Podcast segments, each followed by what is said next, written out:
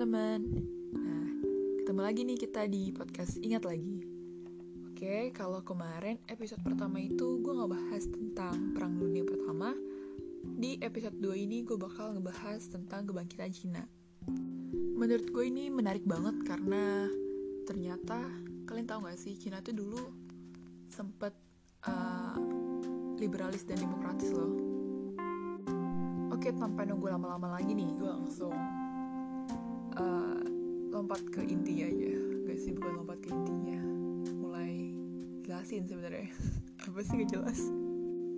Oke, kita mulai. Jadi, dulu tuh ada namanya dinasti Han. Nah, dinasti Han ini runtuh. Kenapa dia bisa runtuh? Karena ada banyak banget korupsi dan pemerintahannya pun menyeleweng banget. Akhirnya, uh, terpecahlah menjadi tiga dinasti Pertama dinasti Wu, dinasti Wei, dan dinasti Shu. Tapi akhirnya pun ketiganya pun runtuh. Tapi ada satu orang dari dinasti Shu itu yang berhasil mempersatukan Cina gitu. Waktu itu kan pemerintahannya kacau balau banget ya. Nah, di waktu yang sama muncullah satu filsuf namanya Confucius. Nah, rakyatnya ini nganggep Confucius itu kayak Tuhan, makanya ada aliran namanya Konfusianisme dia tuh orangnya kayak filsuf pada umumnya sih. Nah, pemikirannya dia ini sangat berperan besar banget dalam dalam membentuk pemikiran-pemikiran orang Cina saat ini. Aduh, maaf ya gue ngomongnya suka belibet gitu. Oke, kita bahas tentang uh, kejadian Cina masa lampau. Pertama itu ada jalur sutra nih. Jalur sutra itu apa? Jalur sutra ini jalur yang menghubungkan Cina dan Eropa Namanya jalur sutra karena waktu itu produksi sutra itu cuma dilakukan oleh Cina. Jadi mostly yang diperdagangkan yang diperdagangkan itu sutra gitu. Walaupun waktu itu juga ada sih uh, perdagangan barang lain tapi karena sutra ini kayak spesial gitu makanya namanya jalur sutra gitu. Lalu yang kedua ada bubuk mesium, ketiga yang mesin cetak. Nah ini tuh uh, ditemukan pertama kali di Cina gitu termasuk penciptaan kertas dan buku itu pertama kali di Cina loh nah ada juga penyatuan Cina di bawah Kubilai Khan nah si Kubilai, Kubilai Khan ini sebenarnya dari dibilangnya sih dari Mongolia ya. Dan dia tuh berhasil menyatukan wilayah-wilayah di Asia termasuk Cina ini. Gitu. Lalu kita next ke perang opium. Ini sih uh, part yang gue suka banget juga. Perang opium tuh jadi gini guys. Jadi dulu kan Cina itu lokasi perdagangan perdagangan yang uh, gimana ya kayak menjanjikan banget gitu loh. Orang tuh mau gitu dagang di situ. Nah waktu itu Inggris menyelundupkan opium ke Cina. Nah opium itu kan seperti kita tahu ya menyebabkan kecanduan gitu kan.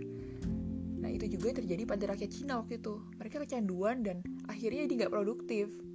Akhirnya kaisar lihat wah rakyat gue nih gue jadi nggak produktif gini? Oh ini gara-gara konsumsi opium nih berarti gue harus stop ini gitu kan dia mikirnya. Akhirnya dia membakar 20 peti opium milik Inggris nah karena ini Inggris tuh jadi rugi besar guys dan ya marah dong Inggrisnya dan akhirnya terjadilah perang namanya perang opium nah karena Cina itu nggak punya teknologi sekarang Inggris akhirnya ya Cina kalah dan Hong Kong akhirnya diambil Inggris. Ini ada di perjanjian Nanking. Nah, ini perang opium pertama, guys. Ada juga yang perang opium kedua nih, berlanjut gitu. Jadi, waktu itu Inggris sama Perancis itu pengen banget dagang opium dengan bebas di Cina. Akhirnya mereka minta kaisar untuk melegalkan opium di Cina gitu. Tapi gak mau juga Cinanya. Akhirnya terjadilah perang lagi tapi kali ini dibantu sama Perancis lalu Cina kalah dan dia harus membayar kerugian perang juga Nah, bayangin coba udah kalah dan harus membayar kerugian perang kayak Jerman waktu di perang dunia pertama kan. Nah akhirnya Inggris dan Perancis bebas berdagang opium dengan legal karena Cina udah kalah. Lanjut lagi nih ada waktu itu tuh perang Sino-Jepang pertama. Aduh asli ini gue juga ngerasa kayak zaman dulu tuh perang-perang-perang terus gitu loh. Gue juga bisa bayangin kalau hidup gue tuh tiap hari harus kayak lagi perang lagi perang lagi. Oke kita bahas aja langsung. Uh, jadi perang Sino Jepang. Jadi ini tuh terjadi tahun 1894 dulu Jepang itu tertutup banget sampai dia tuh nggak boleh hidup. Paham-paham lain masuk ke Jepang. Tapi karena restorasi Meiji itu tuh ubah Jepang banget gitu loh.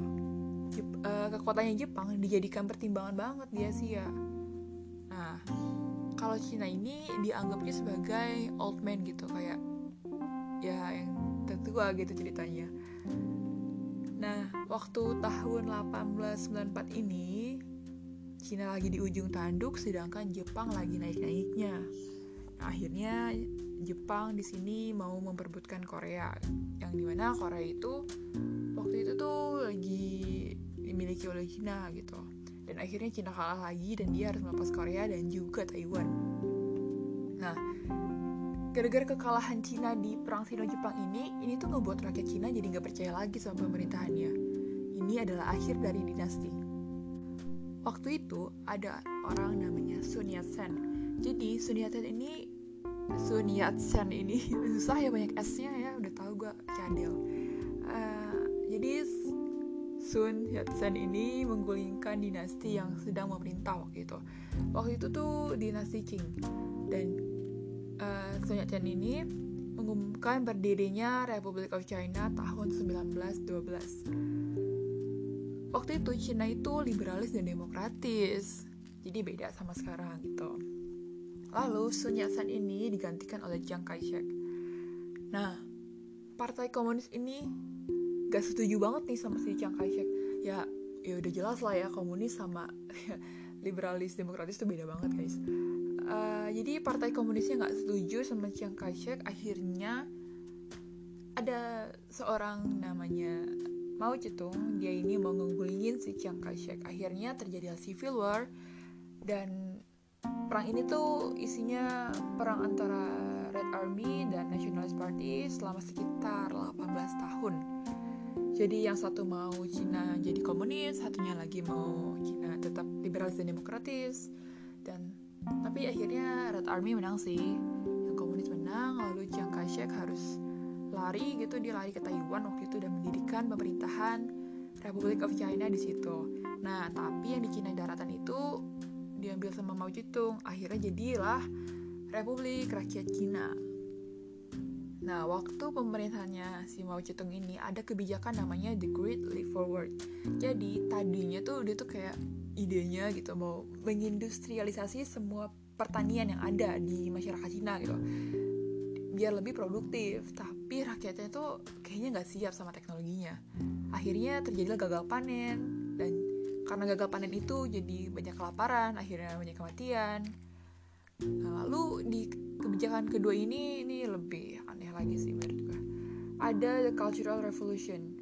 Nah jadi uh, Mao Zedong ini mau menyapu bersih paham-paham kapitalis di Cina gitu. Jadi pokoknya dia maunya udah lu ngejalanin paham gue gitu. Lu harus memiliki paham yang sama seperti gue uh, waktu itu waktu itu ini uh, komunis gitu. Tapi tertutup banget gitu dia nggak benar-benar nggak mau nerima dari luar gitu sedangkan waktu itu tuh ada kaum-kaum yang mau memperjuangkan revolusi agar Cina itu gak setertutup setertutup itu gitu waktu itu ada namanya The Gang of Four. Nah, The Gang of Four ini isinya empat orang yang deket banget kayak uh, deket banget sama Mao Zedong ini.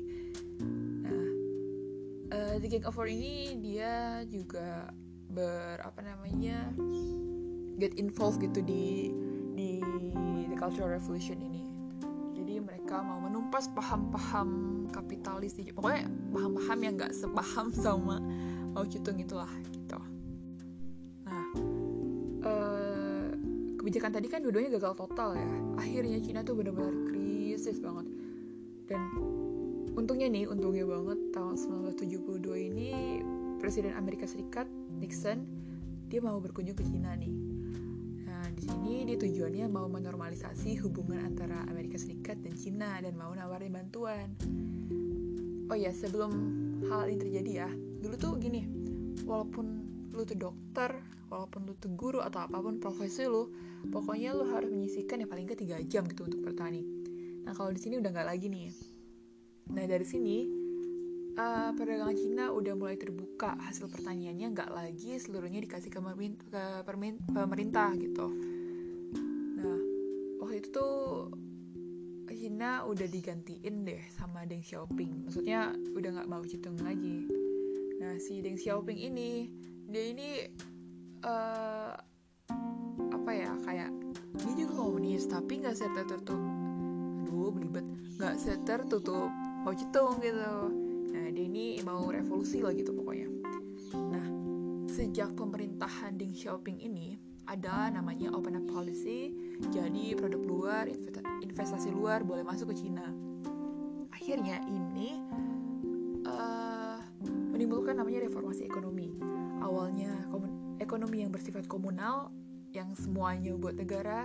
Nah kalau di sini jadi lebih fleksibel nih petani yang awalnya memberikan semua hasil pertaniannya ke pemerintah, sekarang udah bisa dijual juga. Nah, waktu itu juga terbentuk kayak special economic zones, contohnya kalau di Indonesia itu Batam gitu kan ya. Dan waktu itu juga muncullah desentralisasi gitu. Tahun 1990-an Cina bangkit gara-gara reformasi ekonomi, ekonominya meningkat dan negara-negara lain tuh kayak mikir, aduh curiga nih gue nih gitu. Tapi uh, pemerintah Cina sebelum Xi Jinping ini bilang kalau kebangkitan Cina ini uh, damai kok maksudnya nggak ada maksud apa-apa gitu. Oke jadi gitu guys uh, kebangkitan Cina dan menurut gue ini juga menarik banget sih pokoknya nggak tahu sih uh, emang kalau ngomongin sejarah itu menarik sih dan ya banyak lah ya bisa kita petik dari cerita-cerita sejarah gitu. Contohnya dari sini yang gue bisa lihat itu kita tuh nggak boleh apa ya kayak uh, jadi orang yang tertutup banget gitu. Maksudnya gini, lu boleh percaya sama satu hal gitu, tapi lu nggak bisa biarin uh, pemikiran lu tuh jadi pemikiran yang close minded gitu di di era yang kayak gini gitu. Apalagi kita sekarang ini udah modern banget ya uh, ya harus dilatih buat open minded gitu. Kita harus bisa ngelihat hal dari berbagai sudut pandang gitu. Karena menurut gue kalau kita ngelihat hal dari satu sudut pandang gitu kayak sempit banget gitu loh. Wawasan lu tuh nggak tambah luas kalau misalkan lu cuma ngelihat uh, sesuatu dari sudut pandang lu aja gitu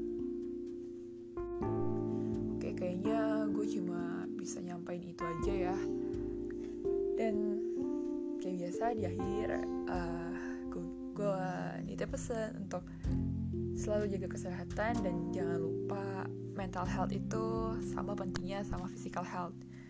Dan juga jangan lupa bersyukur di tengah situasi yang gak jelas ini. Karena lo masih bisa bangun masih bisa bernafas lo masih bisa dengerin podcast ini berarti lo tuh diberkati banget guys.